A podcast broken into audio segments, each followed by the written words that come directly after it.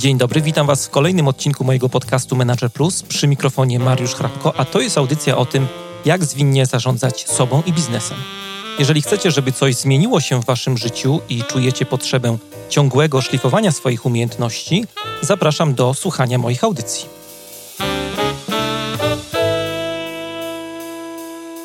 Dzień dobry, dzień dobry. Witam Was bardzo serdecznie po krótkiej przerwie. Dawno się nie słyszeliśmy.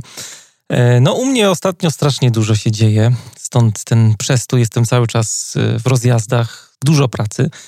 Wakacje minęły jak z bicza strzelił. Myślę, że wszystkim. Oprócz takiej regularnej pracy u klientów, to pracuję też nad nowymi projektami, o których opowiem Wam trochę więcej pod koniec dzisiejszego odcinka.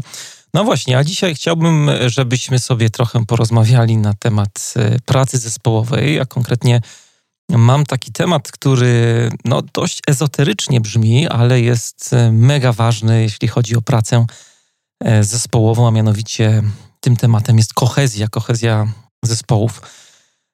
To jest coś, co ma dość mocny związek ze współczesnym podejściem do zarządzania, w którym, no, jak część z Was doskonale wie, dajemy trochę więcej autonomii e, członkom zespołów projektowych. Przesuwamy ten taki proces podejmowania decyzji w kierunku ludzi, którzy są w posiadaniu informacji i którzy najlepiej te informacje potrafią wykorzystać. E, dawno temu czytałem taki bardzo ciekawy wywiad z Peterem Druckerem.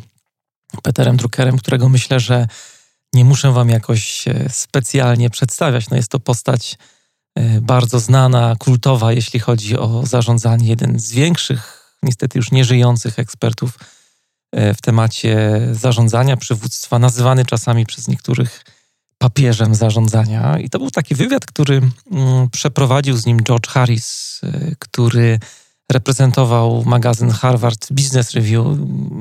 Ten magazyn z drukerem, sam George Harris też E, współpracował przez wiele, wiele lat. E, no i w ogóle, jakbyście chcieli sobie trochę tak e, odświeżyć albo poznać głębiej, bardziej to, co miał do powiedzenia Peter Drucker o zarządzaniu, to bardzo Wam polecam odgrzebać, wygooglać artykuły w Harvard Business Review. Peter Drucker napisał bagatela 30 artykułów dla tego pisma. No i myślę, że najlepiej zamiast czytać te opasłe tomy, chociaż to jest też fajna rzecz i też Wam bardzo polecam, E, to może dobrze jest zacząć właśnie od tych jego artykułów, które tak naprawdę są taką esencją jego myśli, przemyśleń w zakresie zarządzania. No a wracając do wywiadu, to pojawiło się tam takie pytanie w tej rozmowie George'a Harrisa z Peterem Druckerem o rolę menedżera w społeczeństwie e, opartym na wiedzy. Peter Drucker odpowiedział mu w taki sposób, e, tutaj zacytuję, sięgam do źródła, musicie nauczyć się zarządzać w sytuacjach, w których nie macie władzy i nie możecie rozkazywać, w których ani nie jesteście kontrolowani, ani nie sprawujecie kontroli. To są takie słowa, które mm, bardzo mocno we mnie rezonują, odkąd je przeczytałem, ale są to też słowa no, mega prorocze, bo wywiad pojawił się e, w Harvard Business Review, to był początek lat 90. No a dzisiaj dokładnie przed e, takimi wyzwaniami stoimy przed takimi wyzwaniami, stoją współcześni liderzy i menadżerowie w firmach. No jak zarządzać w sytuacjach, w których nie mamy władzy, w których y, pracujemy z zespołami, które same organizują swoją pracę. Ja na co dzień spotykam się właśnie y, z takimi sytuacjami, sytuacjami zespołów, które są y, i interdyscyplinarne, zawierają wszystkie kompetencje, które są potrzebne do tego, żeby dostarczać, rozwijać produkty. No a z drugiej strony są menadżerami samych siebie. No jest to duże wyzwanie dla zespołów, pewnie większe nawet z moich obserwacji niż dla liderów, ale dla liderów też to jest e, taka sytuacja, w której muszą się na nowo odnaleźć i w której muszą się na nowo zdefiniować. Jak budować takie zespoły? Na co przy budowaniu, rozwijaniu takich zespołów zwracać uwagę? Jak stworzyć e, zespoły, które no, mając tylko siebie, oczywiście bez jakiegoś takiego e, wyraźnego nadzoru szefa, będą ciągle wydajne. To są takie pytania, które spędzają nam e, sens powiek i w dzisiejszym odcinku chciałbym Wam trochę na ten temat poopowiadać, jak pracować nad rozwijaniem takich zwinnych zespołów, właśnie skupiając się na zwiększaniu ich kohezji. Ja już teraz odczaruję w końcu mm, to słowo. Czym jest kohezja zespołu? Słowo, które brzmi bardzo ezoterycznie. Sięgnijmy może do fizyki, bo tam to słowo się pojawia. Tutaj też zacytuję definicję kohezji w fizyce. Wzajemne przyciąganie się cząstek danej substancji wskutek działania sił międzycząsteczkowych krótkiego zasięgu. Pewnie wam to nic nie mówi, ale też kohezja występuje na przykład w programowaniu, gdzie, gdzie oznacza stopień, w jakim elementy danego modułu są powiązane ze sobą. No i oczywiście idealną sytuacją jest taka sytuacja, kiedy e, ten moduł, który rozwijamy, mm, ma silne powiązania wewnętrzne, ale ma słabe powiązania E, zewnętrzne z otoczeniem zewnętrznym, no bo wtedy, jak się pewnie domyślacie, mm, łatwiej jest ogarnąć zmianę. Jeżeli są silne powiązania na zewnątrz, no to każda zmiana w tych modułach zewnętrznych może powodować też e, zmiany, w, konieczność prowadzenia zmian w module, mm, nad którym pracujemy. Kohezja e, oznacza, tak jakbyśmy mieli to oddać jednym słowem, e, oznacza po prostu spójność. No w przypadku e, zespołów projektowych pojęcie kohezji e, odnosimy do tego, e, jak bardzo są silne wzajemne powiązania poszczególnych osób w tym zespole. Czyli kohezja pokazuje nam, jak silne są, jak silne jest natężenie relacji w naszych zespołach projektowych. No i oczywiście ważne jest, żeby ten współczynnik był odpowiednio wysoki. Na to potrzeba E, trochę czasu, żeby kohezja była wysoka w zespole. Jest to proces, który e, pociąga ze sobą e, no, pewien proces dojrzewania tego zespołu. Jak obserwuję klientów, to no, przynajmniej musicie tak popracować ze sobą przez 6 miesięcy. W niektórych zespołach nawet więcej czasu potrzeba, żeby taki zespół się zbudował i ten poziom spójności faktycznie się wykształcił na odpowiednio wysokim poziomie. No i co to oznacza, że zespół ma wysoki współczynnik kohezji? To oznacza, że e, informacje w zespole przepływają bardzo sprawnie. Te informacje przepływają tak e, wielokierunkowo. Nie ma takich osób, które byłyby jakoś e, przez zespół pomijane, jakoś są odseparowane, czy coś w tym stylu.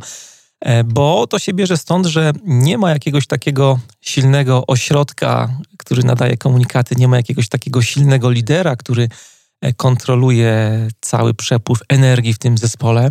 Inaczej jest w sytuacji, kiedy ten współczynnik kohezji zespołu jest e, niski, wtedy komunikacja e, odbywa się tak bardzo jednokierunkowo od jakiejś takiej silnej jednostki, jakiegoś takiego silnego lidera do pozostałych członków zespołu. Silny lider E, kontroluje po prostu to, jak przepływają informacje w tym zespole i jest takim e, wąskim gardłem, które spowalnia interakcje i wymianę wiedzy pomiędzy członkami tego zespołu.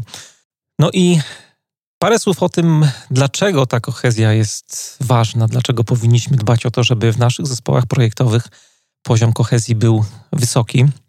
Są cztery takie E, główne korzyści, które zaobserwowałem pracując z zespołami, zespołami, które ten poziom kohezji miały odpowiednio e, wysoki. Pierwsza rzecz, bardzo istotna, to jest to, że w takich zespołach jest większy poziom też zaufania. Wysoka kohezja to większe zaufanie e, ludzi w zespole. Ludzie, którzy pracują w zespołach o takiej wysokiej kohezji, to po prostu ze sobą dużo rozmawiają i nie tylko o pracy. To są rozmowy takie no, o wszystkim, o tym jak e, minął im weekend, gdzie byli, co robili, jakie nowe miejsca odkryli. E, dzielą się takimi swoimi codziennymi doświadczeniami, na przykład w wychowywaniu dzieci, pokazują sobie zdjęcia z wakacji. E, bardzo często też zdarza się, że te osoby się kumplują po pracy, wyjeżdżają razem na wakacje i takie zespoły trzymają się razem. W takich zespołach trudno jest ściemniać, trudno jest markować pracę, trudno jest udawać, że się coś robi. No bo taka ściema wcześniej czy później wyjdzie na jaw. Jeżeli ktoś próbuje ściemniać, to no musi liczyć się z tym, że zespół dowie się o tym jako pierwszy. No i uwierzcie mi, widziałem to wiele razy w firmach. Nic bardziej nie boli niż taka nagana, choćby wzrokowa, od y, ludzi, z którymi na co dzień pracujemy w zespole. Taka e, taka nagana dużo bardziej boli niż nagana szefa. E, kolejna korzyść to zespoły o wysokiej kohezji też mniej się stresują, no bo mm, wszyscy siedzimy w jednym sosie. Jeżeli komuś powinie się noga, nikt nikogo nie obwinia za błąd, za jakąś wpadkę.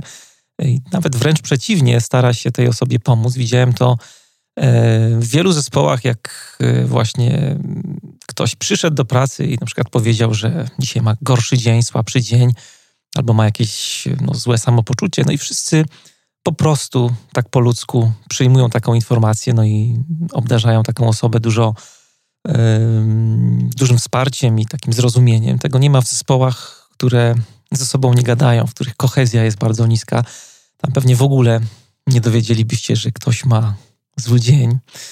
E, czyli mniej stresu. Kolejna korzyść to lepsza wymiana wiedzy.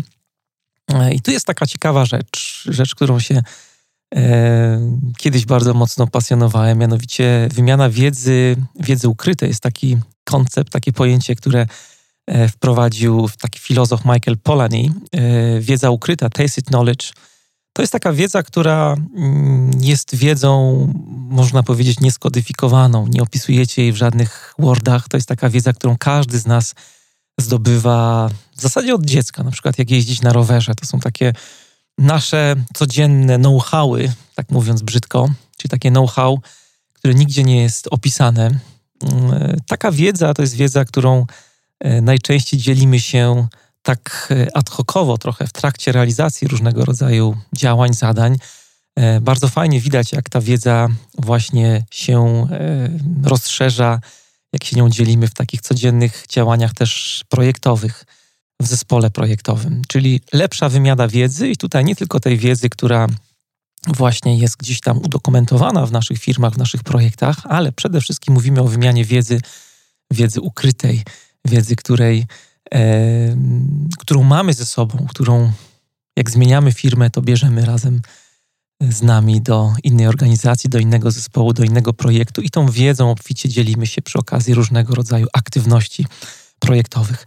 No i e, jeszcze może jedna korzyść, też bardzo ważna, to korzyść związana z wysoką motywacją, z większą motywacją. Jeżeli komuś, jakiemuś członkowi waszego zespołu E, uda się zrobić coś naprawdę dobrze, wymyśleć jakieś, nie wiem, sprytne rozwiązanie, odkryć nowy, fajny, lepszy sposób poradzenia sobie z jakimś problemem, to ta osoba może liczyć się z tym, że e, no, spotka ją zasłużone uznanie ze strony kolegów czy koleżanek. I też wiele razy widziałem, jak działa kohezja właśnie w zespołach chociażby programistycznych.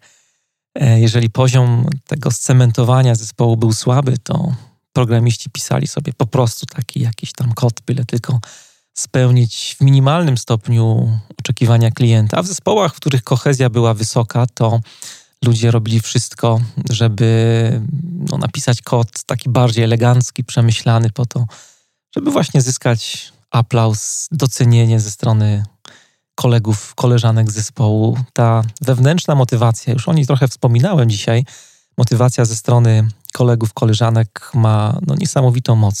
Niesamowicie e, wpływa na naszą wewnętrzną motywację do pracy.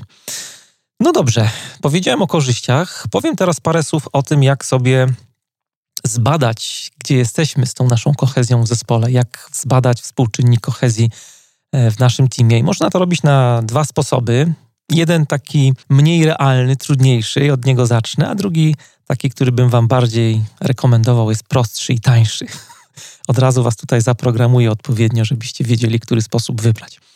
Pierwszy e, polega na tym, dlatego jest trudniejszy, żeby zatrudnić sobie firmę zewnętrzną, która Wam takie badanie kohezji e, przeprowadzi. Wygląda to tak, że członkowie Waszego zespołu musieliby przez jakiś czas nosić ze sobą tak zwany identyfikator socjometryczny.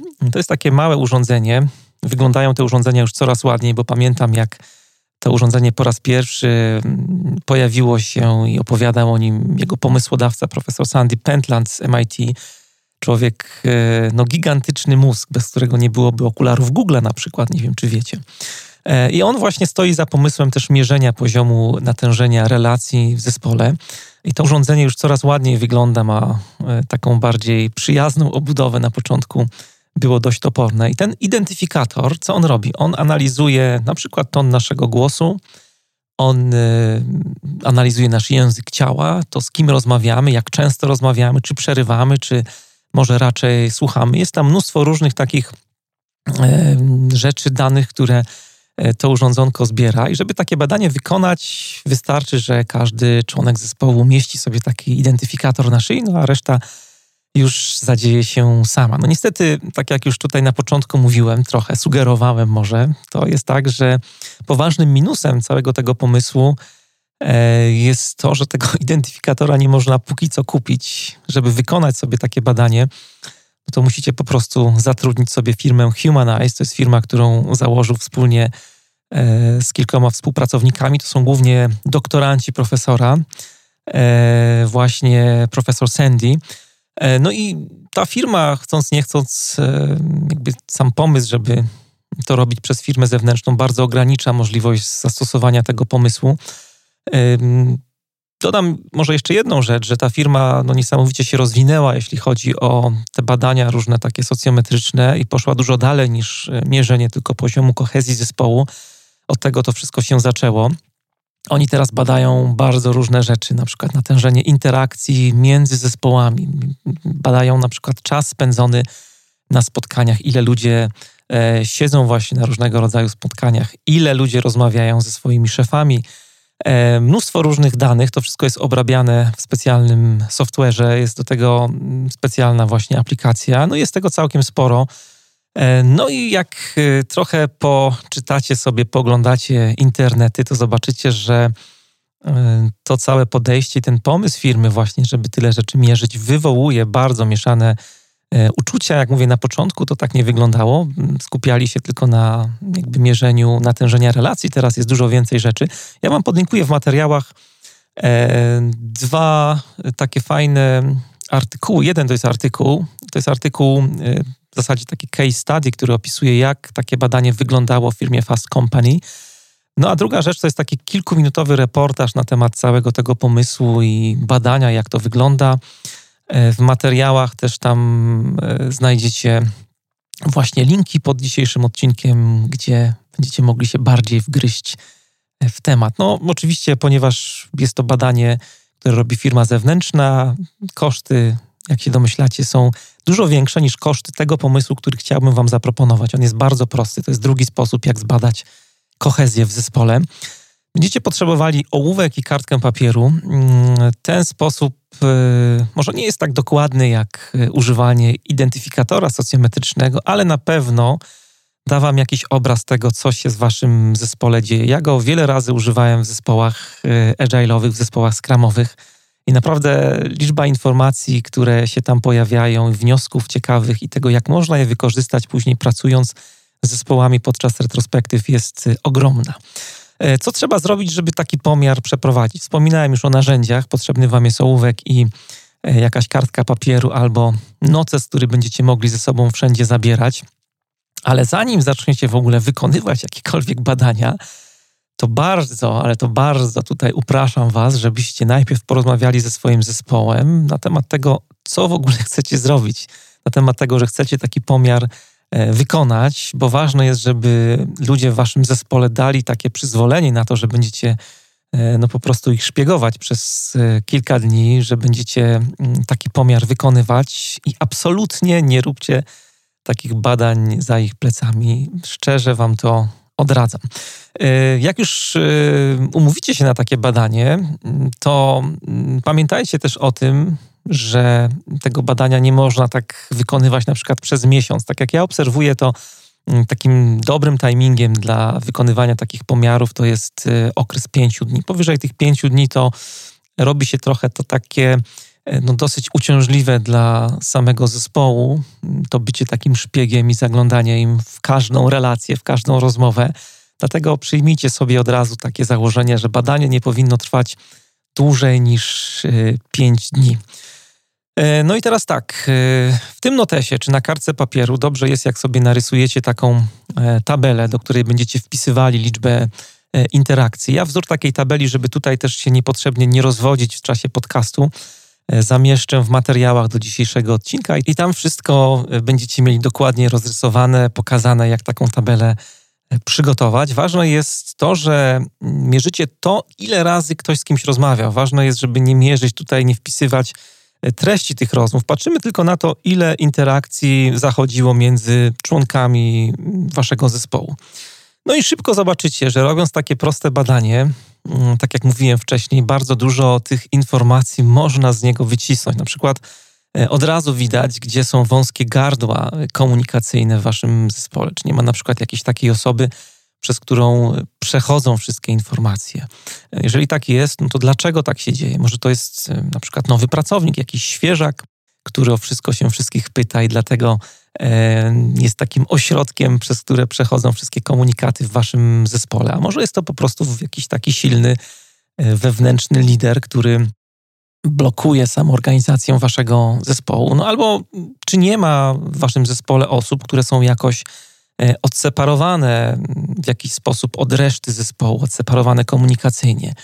No jeżeli tak jest, to co z tego e, dla waszego zespołu wynika? Czy, czy jest równowaga komunikacyjna, może jest jakaś asymetria w tej komunikacji? Mm, tutaj jeszcze może jedna rzecz, oprócz zbierania danych w tabeli, to sugeruję też na koniec, jak już będziecie chcieli z tymi danymi coś dalej zrobić. Myślę tutaj o zorganizowaniu jakiejś pogadanki o wynikach tego badania z zespołem, na przykład podczas retrospektywy projektowej czy retrospektywy e, na koniec sprintu, jeżeli pracujecie w sposób zwinny, to przygotujcie sobie takiego flipa, na którym te konkretne liczby z waszej tabelki, liczby interakcji, zamienicie sobie na strzałki e, o różnej grubości.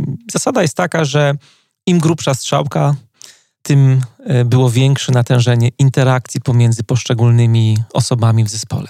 No i później, jak już będziecie mieli taki rysunek, na przykład na retrospektywie, przykleicie go do ściany albo do tablicy, no to możecie na tym rysunku dalej popracować e, z waszym zespołem, zadając mu różne pytania, na przykład co z tego rysunku wynika, co nam e, właśnie ta grafika, ten rysunek mówi o naszym zespole, co byśmy chcieli zmienić, czy nam jako zespołowi czegoś brakuje, patrząc na te mniej lub bardziej grube strzałki, jak chcielibyśmy na przykład, żeby wyglądał nasz zespół, jak chcielibyśmy, żeby wyglądała komunikacja w naszym zespole. I to jest, jak widzicie, bardzo proste narzędzie z jednej strony, ale narzędzie, które mimo tej swojej prostoty pozwoli Wam dużo fajnych rzeczy, jeśli chodzi właśnie o kohezję zespołu, wyciągnąć. Dodatkowo jeszcze tutaj skupiliśmy się na pomiarze kohezji, co z tym pomiarem, z wynikami tego pomiaru można zrobić. Nie chciałbym Was tylko zostawiać z samym e, badaniem.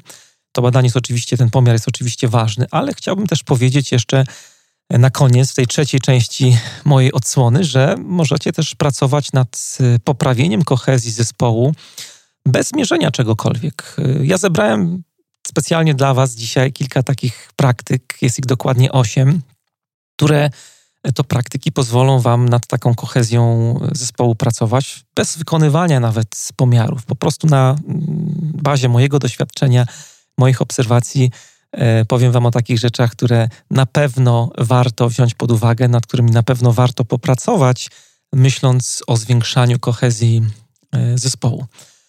E, zanim zaczniemy, to Warto dodać, że, czy uzmysłowić sobie gdzieś tam w tyle głowy, że praca nad zwiększaniem spójności w zespole to jest przede wszystkim praca nad relacjami. Pamiętajcie o tym, jeżeli myślicie o pracy nad rozwojem waszych zespołów, jeżeli myślicie o pracy nad budowaniem waszych e, zespołów, praca nad zespołem to jest przede wszystkim praca nad relacjami. A jeżeli mówimy o relacjach, to budowanie dobrych relacji w zespole zaczyna się od zaufania. I to jest pierwsza rzecz, którą możecie zrobić i od której moim zdaniem powinniście nawet zacząć pracę nad relacjami w waszym zespole. Mamy więc pierwszy punkt. Pracuj nad zaufaniem w zespole. Zaufanie to jest źródło ogromnej wartości dla zespołu i nie tylko dla zespołu, dla całej firmy, dla organizacji. To jest taki wielki, ogromniasty klucz, jakbyśmy mieli użyć takiej grubej metafory. Klucz, który otwiera serce waszego zespołu Zaufanie daje ludziom poczucie komfortu. To jest ogromnie ważne. Sprawia, że ludzie w waszym zespole e, nie boją mówić się wprost o tym, co im nie wychodzi, nie boją się mówić o swoich słabych stronach, nie boją się mówić o porażkach, o tym, czego się obawiają. Zaufanie to jest przede wszystkim otwartość. Y, otwartość daje ludziom poczucie bezpieczeństwa. To jest niesamowity komfort dla y, ludzi, którzy pracują w zespole. Y, poczucie bezpieczeństwa, które zwiększa z kolei spójność całego zespołu, zwiększa kohezję tego zespołu. Jak pracować nad zaufaniem w zespole? No tutaj mm, nie będę się powtarzał, bo poświęciłem temu tematowi cały odcinek 97 mojego podcastu. Matko, to już tyle odcinków za nami, aż się nie chce wierzyć.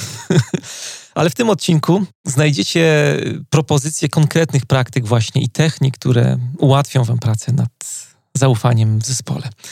To była pierwsza praktyka, praca nad zaufaniem w zespole. Druga rzecz to jest temat, który się przewija przez e, wiele moich odcinków. Dzisiaj też od niego zacząłem w kontekście kohezji zespołu. To jest zwiększanie autonomii członków zespołu. Są firmy, które jakby wdrażają zwinne metody pracy i tam jakby autonomia zespołu, samorganizujący zespół to jest coś, co mamy jakby z pudełka, tak brzydko mówiąc. Natomiast e, tak w ogóle, mówiąc o autonomii, tutaj pojawia się takie magiczne słowo empowerment. E, słowo, które w języku polskim możemy sobie przetłumaczyć jako upełnomocnienie, upełnomocnienie pracowników. E, I to jest praktyka, która właśnie niesamowicie wpływa na kohezję zespołu. Liderzy, po prostu menadżerowie też oddają większość decyzji związanych z pracą w projekcie w ręce zespołów, w ręce ludzi, którzy można powiedzieć, siedzą w okopach, są bliżej codziennych problemów. No i mają, tak jak mówiłem wcześniej, więcej informacji, żeby te problemy rozwiązywać. To ma niesamowite przełożenie nie tylko na samą kohezję zespołu, ale także na poczucie odpowiedzialności ludzi w zespole za produkt, odpowiedzialności za siebie nawzajem, wpływa na motywację, co już dzisiaj podkreślałem, no i poprawia komunikację niesamowicie w zespole. Zwiększaj autonomię członków zespołu. Trzecia praktyka e, wiąże się już z konfiguracją zespołów. Zadbaj o dobry rozmiar zespołu. Dla wielu z Was może to jest jakaś taka oczywista oczywistość, ale łatwiej jest pracować nad zwiększeniem kohezji właśnie w małych zespołach. E, w takich zespołach łatwiej jest się po prostu komunikować. Liczba interakcji, wzajemnych powiązań jest dużo większa niż w zespołach, które mają duży rozmiar. Jeżeli ktoś z Was pracował w dużym zespole, to ten wie, jak to w praktyce wygląda. Trudniej jest się dogadać, trudniej jest wypracować jakiś e, wspólny punkt widzenia. Rozmywa się odpowiedzialność zespołu jako całości. Pamiętam, że kiedyś byłem na takiej retrospektywie zespołu, który liczył 16 osób, bardzo ją przeżyłem. Bardzo często pojawiało się wtedy takie stwierdzenie: To nie jest mój problem. To nie jest problem, e, który dotyczy mojej historyjki użytkownika E, no i właśnie im większy zespół, jest coś takiego, że naturalnie tworzą się silosy, e, zanika taka zbiorowa odpowiedzialność całego zespołu za produkt, za to, co robimy, za wynik, za osiąganie celów tego zespołu projekcie czy w konkretnych e, iteracjach. W dużych zespołach mm, ludzie po prostu łatwiej się okopują, też tworzą takie kliki. No a kliki są bardzo niebezpieczne. To jest też rzecz, E, która wymaga, czy powinna wymagać dużej waszej uwagi. Jeżeli jesteście liderami, którzy pracują z zespołami, to zwróćcie proszę uwagę na to, czy w waszych zespołach nie macie czasem do czynienia z takimi kółkami wzajemnej adoracji, takimi niebezpiecznymi klikami, które e, właśnie blokują rozwój i kohezję zespołu, prowadzą takie różne gierki, uprawiają wewnętrzną politykę. E, jaki jest idealny więc rozmiar zespołu? No ja na podstawie swoich doświadczeń mogę Wam powiedzieć, że Najlepiej mi się pracuje z zespołami, które liczą tak od pięciu do e, dziewięciu osób. Dodatkowo mam jeszcze taką dziwną obserwację, która nie jest absolutnie poparta żadnymi matematycznymi dowodami. Ta obserwacja polega na tym, że kohezja bardziej klika, bardziej jakoś działa, żre w zespołach, które mają nieparzystą liczbę osób, a więc w takich piątkach, siódemkach, dziewiątkach. E, to też są takie składy, które łatwiej wchodzą w temat samoorganizacji, łatwiej jest im korzystać z autonomii, która jest im dana, czy to w sprincie, czy w projekcie. Łatwiej jest im po prostu być menedżerami e, samych siebie. Ciekawa bardzo obserwacja, ale w praktyce bardzo się sprawdza. Jeżeli nie wiecie, jaki rozmiar zespołu byłby dla Was idealny, to spróbujcie zastosować radę Jeffa Bezosa też. Idealny zespół to jest taki, który jest w stanie najeść się, nasycić dwoma pizzami podczas obiadu. Jeżeli, jeżeli mielibyście z tym problem, to trzeba ten zespół po prostu odchudzić. Idealne zespoły powinny liczyć od 5 do 7 osób w zależności od apetytu. Praktyka numer cztery: zmieniaj skład zespołu tylko w ostateczności. Ja wiem, że to jest e, bolączka wielu menedżerów. E, jak prowadzę e, różne warsztaty w firmach z liderami, z menedżerami i dotykamy w ogóle tematu konfiguracji zwinnych zespołów, to bardzo często słyszę od nich takie trochę narzekanie i taką bezradność. No tak, Mariusz, wiesz, u nas tak się nie da zrobić, mamy mało ludzi, mamy mało kompetencji, nie jesteśmy w stanie zbudować stabilnych, dedykowanych zespołów do pracy w skramie. No i efekt jest taki, że mamy zespół, który później pracuje ze sobą przez kilka iteracji, potem kilka osób z tego zespołu odchodzi, idzie do innego zespołu, bo akurat te osoby są bardziej potrzebne. Czasami te konfiguracje i pomysły na mieszanie ludzi w zespołach są jeszcze bardziej skomplikowane. Ale musicie wiedzieć, tutaj musimy być bardzo szczerzy ze sobą, że takie podejście nie sprzyja zwinnej pracy, a już na pewno nie sprzyja budowaniu, zwiększaniu kohezji w zespole, bez względu na to, jaką metodą e, byście pracowali. Czy używacie zwinnych metod pracy, czy pracujecie w sposób bardziej tradycyjny.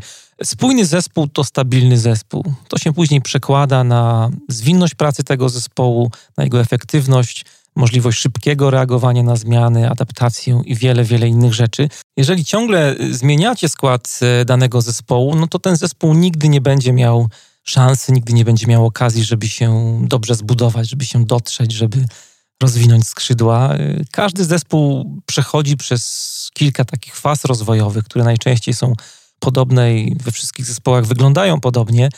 E, najpierw jest taki moment, kiedy zespół się formuje, pojawia się jakaś struktura tego zespołu, ludzie poznają swoje role, obwąchują się trochę. No a później, w miarę jak coraz więcej czasu spędzają ze sobą w pracy, jak coraz więcej wspólnych zadań realizują w tym zespole, no to pojawiają się siłą rzeczy pierwsze konflikty, dochodzi do różnych niesnasek, starć, potyczek. Ludzie stają się coraz bardziej otwarci dzięki temu, wychodzą z cienia no i później jest taki moment y, w rozwoju zespołu, kiedy zespół zaczyna mieć już wypracowane, dograne te ramy działania, pojawiają się normy, pojawiają się jakieś reguły gry, które dla wszystkich są wspólne. Y, no i wtedy dopiero zespół w tej takiej czwartej fazie zaczyna się przepoczwarzać w zespół marzeń, w taki zespół, który y, no, leci już w kosmos, można powiedzieć, i może w pełni skoncentrować się na celach projektu, na zadaniach, które ma do zrobienia. No i teraz, jeżeli w pewnym momencie rozwoju takiego zespołu znika jedna, dwie osoby nawet, to ten zespół bardzo często zaczyna od zera albo cofa się nawet do też poprzedniej fazy. Takie sytuacje się zdarzają. E, widziałem to wiele razy. Pamiętam taką sytuację u jednego z klientów, która jakoś tak mocno utkwiła mi w pamięci.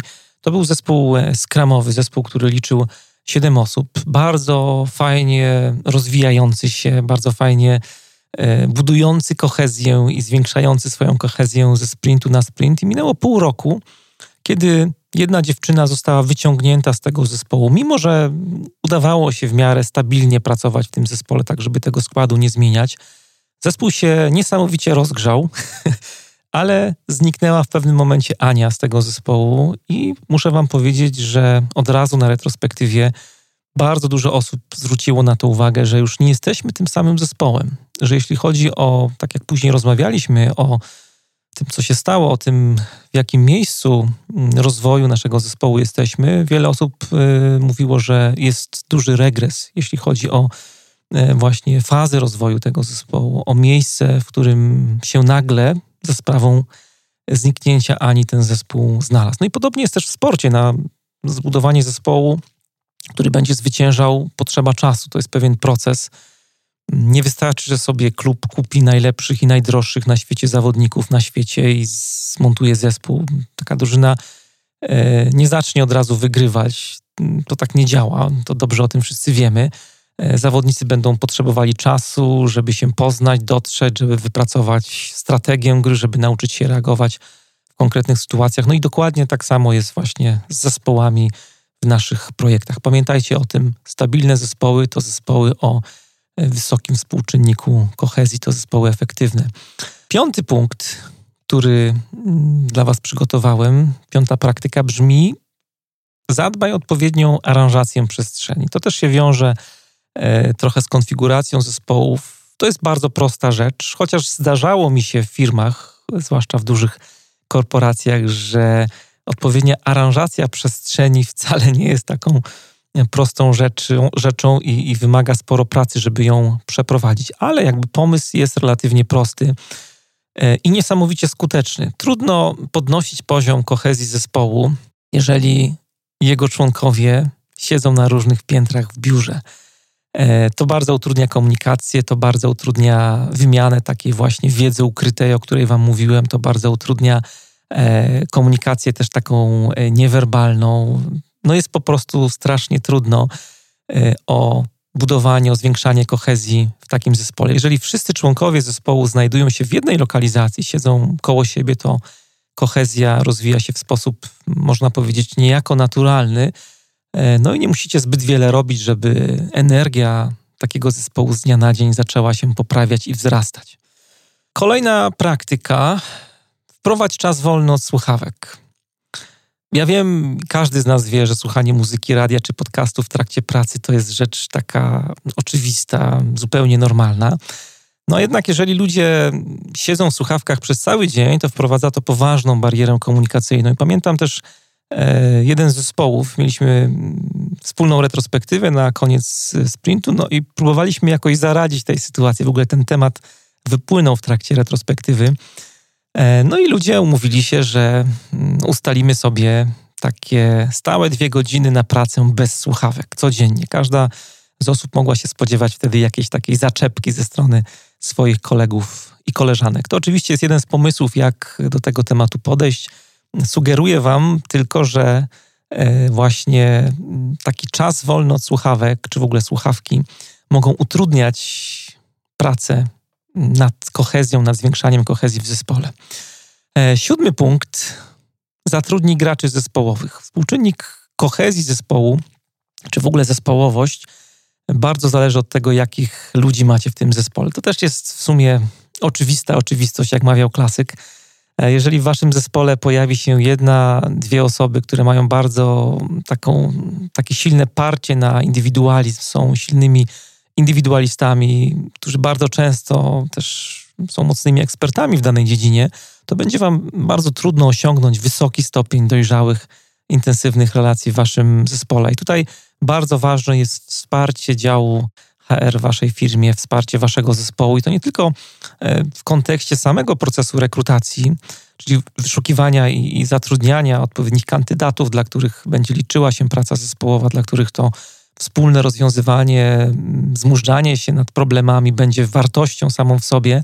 Oprócz samej rekrutacji, bardzo ważnym tematem będzie też podejście do na przykład oceny pracowniczej. Jeżeli e, będziemy podchodzić do niej indywidualnie, czyli w taki tradycyjny sposób, no to e, przy zespołach, szczególnie które mają ten empowerment, będzie tutaj poważny ząg. Jest to duże wyzwanie, bo przecież no, tak jak mówiłem, całe dotychczasowe podejście działów HR e, skupia się na indywidualnych pracownikach, na ich celach, na tym, jak pracują, jakie mają potrzeby.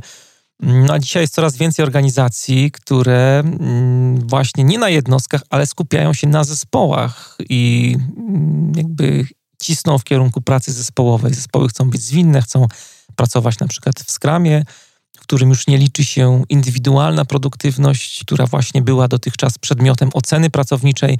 W skramie liczy się zespół, cele zespołu, produktywność zespołu jako całości.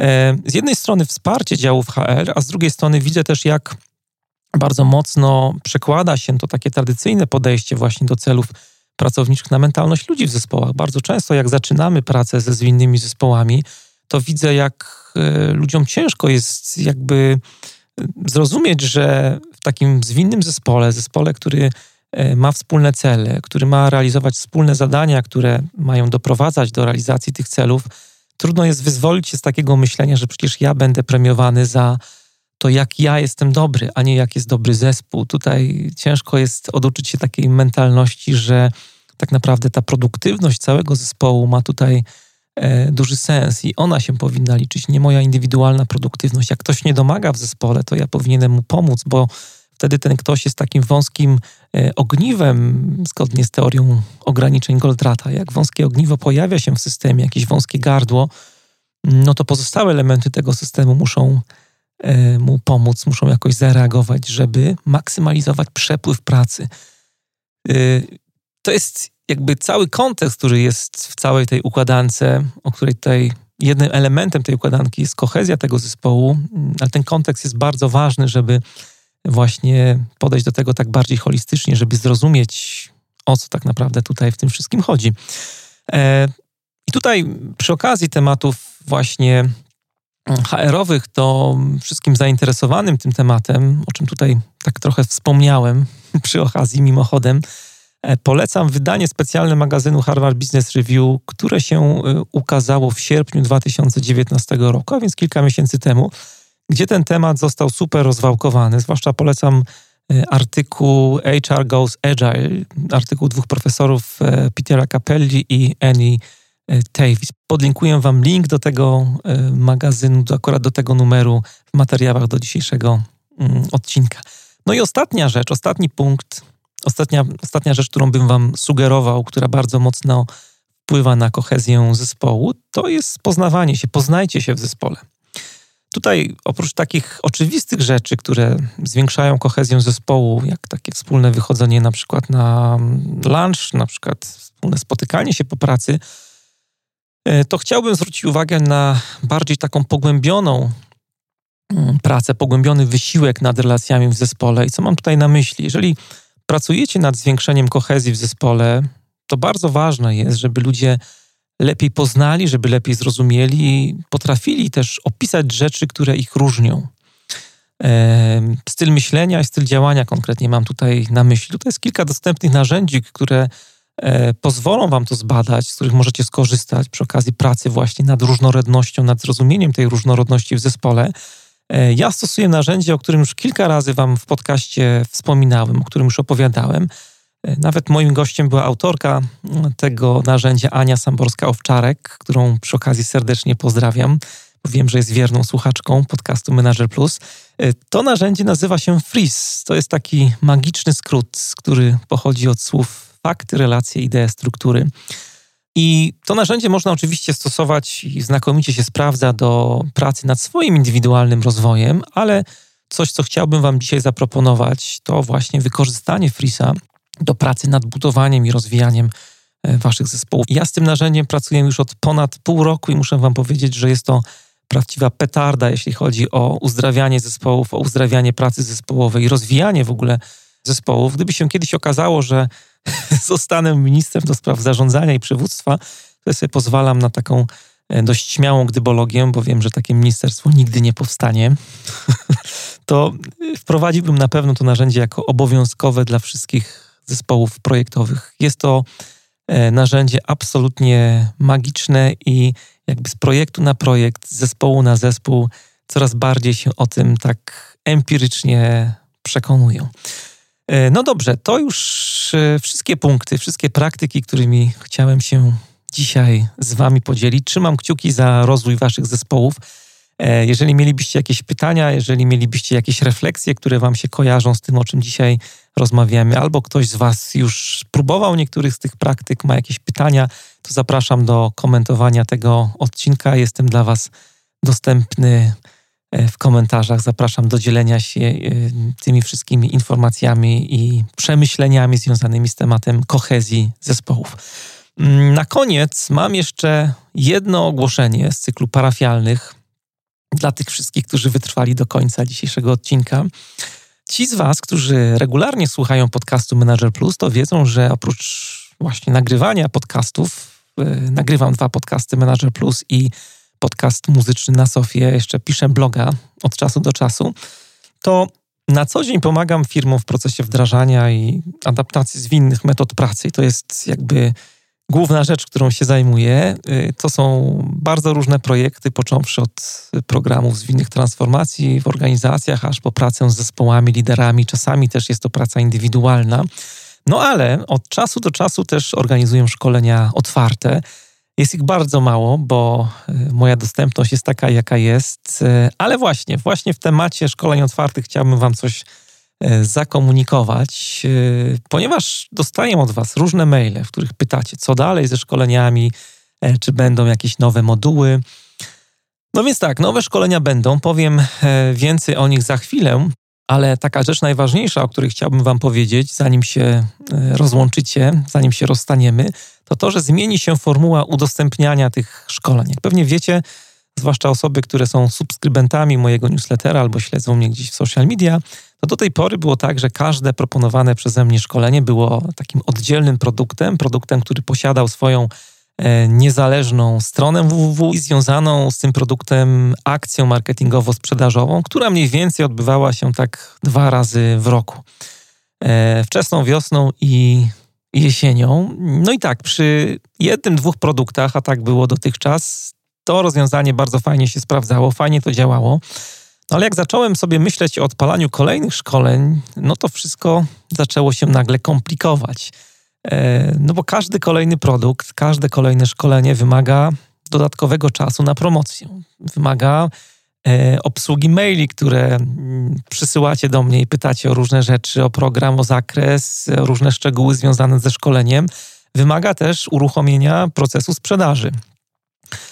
No a z drugiej strony nie chciałbym też, żeby moja dotychczasowa działalność y, przerodziła się w jakiś taki internetowy sklepik, który będzie was bombardował gigantyczną liczbą maili i produktów, które możecie ode mnie kupić.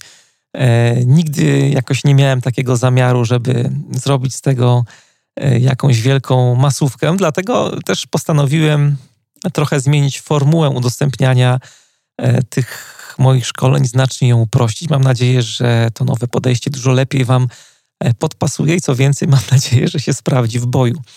No i tak, po pierwsze, uruchomiłem nową stronę zwinneszkolenia.pl, na której no, na bieżąco będziecie mieli dostęp do aktualnego katalogu moich szkoleń e, razem z planowanymi datami szkoleń, ponieważ dla wielu, tak jak e, ciągle mi to powtarzacie i piszecie, w mailach. Najwygodniejsza jest Warszawa. To wszystkie szkolenia póki co będą się odbywały właśnie w tej lokalizacji. Niestety odpuściłem Kraków, chociaż jestem lokalnym patriotą i zawsze mi się marzyło, e, żeby szkolenia odbywały się w Krakowie, ale jakoś jest tak, że do Warszawy wszyscy chętnie lgną, więc zostaje Warszawa. E, po drugie, nie będzie e, oddzielnych akcji marketingowo-sprzedażowych dla każdego szkolenia, tak jak było to dotychczas. E, zamiast tego wymyśliłem sobie, że dwa, maksymalnie cztery razy w roku przez dwa tygodnie będziecie mogli kupić wjazd na e, jedno lub wszystkie szkolenia, które są dostępne w katalogu. To będzie zależało od Was. W każdym bądź razie będzie takie dwutygodniowe okno sprzedażowe. No i daty sprzedaży będą się pojawiały z dużym wyprzedzeniem. To też jest taka wielka prośba E, którą od Was dostaję, żebyście mogli sobie wcześniej bez problemu wszystko zaplanować, zwłaszcza jeżeli e, mówimy o dużych organizacjach, gdzie ten proces decyzyjny jest znacznie wydłużony i dużo dłużej to wszystko trwa niż w mniejszych firmach, albo jeżeli ktoś sobie już w ogóle funduje takie szkolenie indywidualnie, to nie ma żadnego problemu. I od razu informuję, że najbliższa sprzedaż rusza niebawem, 21 października i potrwa, tak jak zapowiadałem, dwa tygodnie. Dwa tygodnie będziecie mieli na to, żeby sobie wykupić dostęp do jednego, dwóch, trzech, wszystkich, jeżeli ktoś będzie tak bardzo zmotywowany, szkoleń, które są e, dostępne w katalogu. W tym czasie e, właśnie dwóch tygodni będzie to możliwe. No i po trzecie, będę dodawał systematycznie nowe szkolenia do listy. Nie będzie tego dużo, bo E, tak jak pewnie wiecie, czy część z Was wie, od samego początku zależało mi bardzo na tym, żeby e, moje projekty edukacyjne odróżniały się od tych, które są dostępne na rynku. E, nie chcę iść w jakąś wielką masówkę i szkolić ze wszystkiego, co się wiąże z zarządzaniem. No a jeszcze jest taka jedna rzecz, która jakoś w moim przypadku, w przypadku moich szkoleń osobiście jest dla mnie mega ważna, to to, żebym wam nie opowiadał tylko jakichś teorematów, e, jakichś teorii, modeli, które się gdzieś wiążą z zarządzaniem, tylko żeby była to taka wiedza, która no, jest wypróbowana w boju. I ja zawsze do tego dużą wagę przykładałem, e, żeby się dzielić wiedzą, która jest wiedzą praktyczną i dlatego chciałbym mieć też czas, żeby e, tych e, rzeczy programowych trochę doświadczyć u swoich klientów w zespołach, z którymi pracuję. Dlatego te szkolenia przygotowanie tych szkoleń z mojej strony trochę, trochę będzie trwało. I po czwarte, zauważycie to szybko na stronie zwinneszkolenia.pl, że na zdjęciu jestem tam, oprócz mnie jest jeszcze Ola. E, z którą prowadzę większość szkoleń. Ola na co dzień jest e, moją żoną, e, która od kilku lat pomaga mi w realizacji właśnie różnych projektów zwinnych transformacji u klientów. Pracuje głównie z zespołami nad rozwojem, budowaniem zespołów.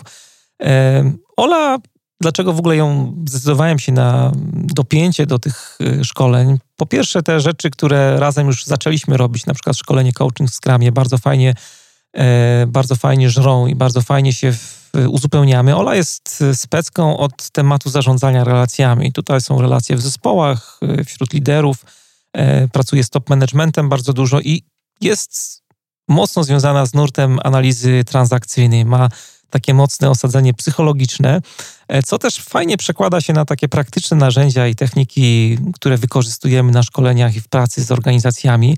Ci z Was, którzy byli na naszych wspólnych szkoleniach, bardzo często zwracali na koniec e, uwagę, że e, faktycznie był to dobry pomysł, że właśnie i moje doświadczenie, i doświadczenie Oli, które jest tak bardziej mocno osadzone psychologicznie, E, bardzo fajnie się uzupełniają i tworzymy taką energię na energię też, ale chciałem powiedzieć synergię e, na sali szkoleniowej, co jest e, mega ważne. Bardzo fajnie to wychodzi, jestem zadowolony, uczestnicy są zadowoleni dotychczasowych szkoleń.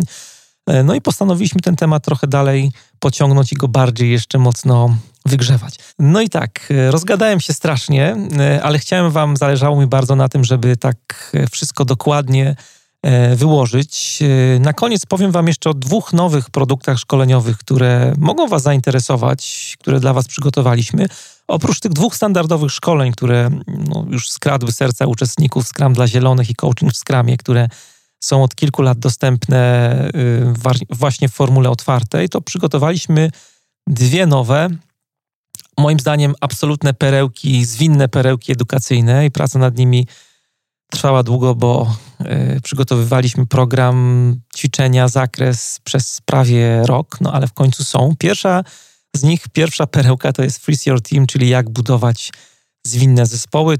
Y, to jest szkolenie, na którym pokażemy, jak budować zwinne zespoły, wykorzystując do tego narzędzie Freeze. Pokażemy, jak dobierać ludzi do zwinnych zespołów, jak budować takie zespoły, tak żeby były efektywne, jak rozpoznawać mocne, słabe strony mm, ludzi w zespole, jak odkrywać, co ich inspiruje, co ich napędza. E, pokażemy, czy jest jakaś sprawdzona recepta na rozwój takich zespołów. Bardzo fajna rzecz. Zachęcam do odwiedzenia strony zwinneszkolenia.pl. Tam się trochę rozpisałem, skąd w ogóle pomysł, co Was czeka i dlaczego w ogóle weszliśmy w tym kierunku. Myślę, że będzie lepiej, jak tam zajrzycie, niż Tutaj będę przedłużał czas antenowy niepotrzebnie, bo jeszcze chciałem powiedzieć o drugim szkoleniu szybko. Mianowicie drugie szkolenie to jest Agile Leadership Mapa zwinnego przywództwa. I to jest kolejny, myślę, mega ważny temat, jeśli chodzi o jakby wyzwania współczesnego zarządzania. To szkolenie jest dedykowane mocno dla liderów, menedżerów, którzy chcą się nauczyć właśnie zarządzać w takich sytuacjach, nawiązując do Petera Druckera, kiedy nie mają władzy i nie mogą sprawować kontroli właśnie w świecie interdyscyplinarnych i samoorganizujących się zespołów. E, polecam stronę zwinneszkolenia.pl, gdzie te wszystkie informacje, szczegóły e, dotyczące tych szkoleń znajdziecie. Co prawda, sprzedaż rusza dopiero 21 października, to już mówię dopiero, ale to już jest lada moment. To już teraz możecie zapisywać się na listę osób oczekujących. W ten sposób będziecie też na bieżąco z informacjami dotyczącymi sprzedaży. Żeby to zrobić, mm, możecie skorzystać z formularza kontaktowego na stronie zwinneszkolenia.pl. Formularz działa e, lub napisać na kontakt małpka zwinneszkolenia.pl. I to już wszystko, co dzisiaj chciałem Wam powiedzieć, czym chciałem się z Wami podzielić. Życzę Wam absolutnie fantastycznego tygodnia pracy. Ja się nazywam Mariusz Hrabko. Trzymajcie się i do usłyszenia niebawem.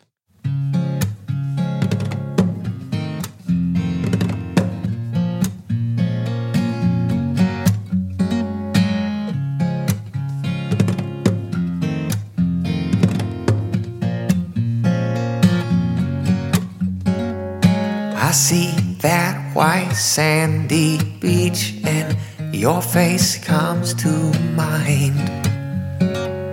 We walked on the twilight shores of memory and time. Moonlight danced on waves and you and we stayed there all night. In those precious moments, I was yours and you were mine. Callie, Callie, won't you make a place for me? I can't forget you. I don't want to. I can't keep my mind off of you, Callie, Callie. A space for me? I pack my bags. I'm headed toward you. All I got is love for you, Cali, Cali. Won't you make a place for me somewhere?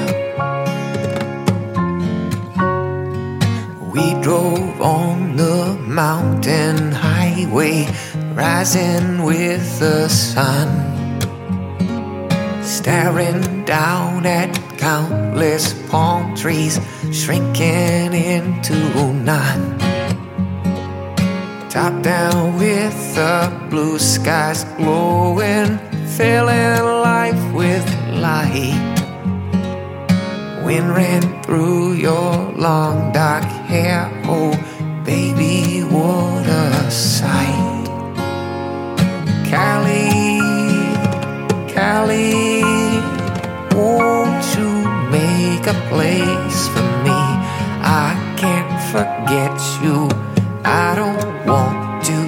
I can't keep my mind off of you, Cali, Cali, Won't you save a space for me? I pack my bags. I'm headed toward you. All I got is love for you, Callie, Callie. Won't you make a place for me somewhere? When we parted ways, somehow I knew I'd never see times like this again when we were careless and so free. I kissed you goodbye and missed you oh so terribly. I never forget the promise that you whispered me. Callie, Callie, won't you make a place for me? I can't forget you. I don't want to. I can't keep my mind off of you, Callie, Callie. Won't you save a space for me? I pack my bags. I'm headed toward you. All I this love for you, Cali, Cali. Won't you make a place for me somewhere? Won't you save a space for me somewhere? Won't you make a place for me somewhere? where.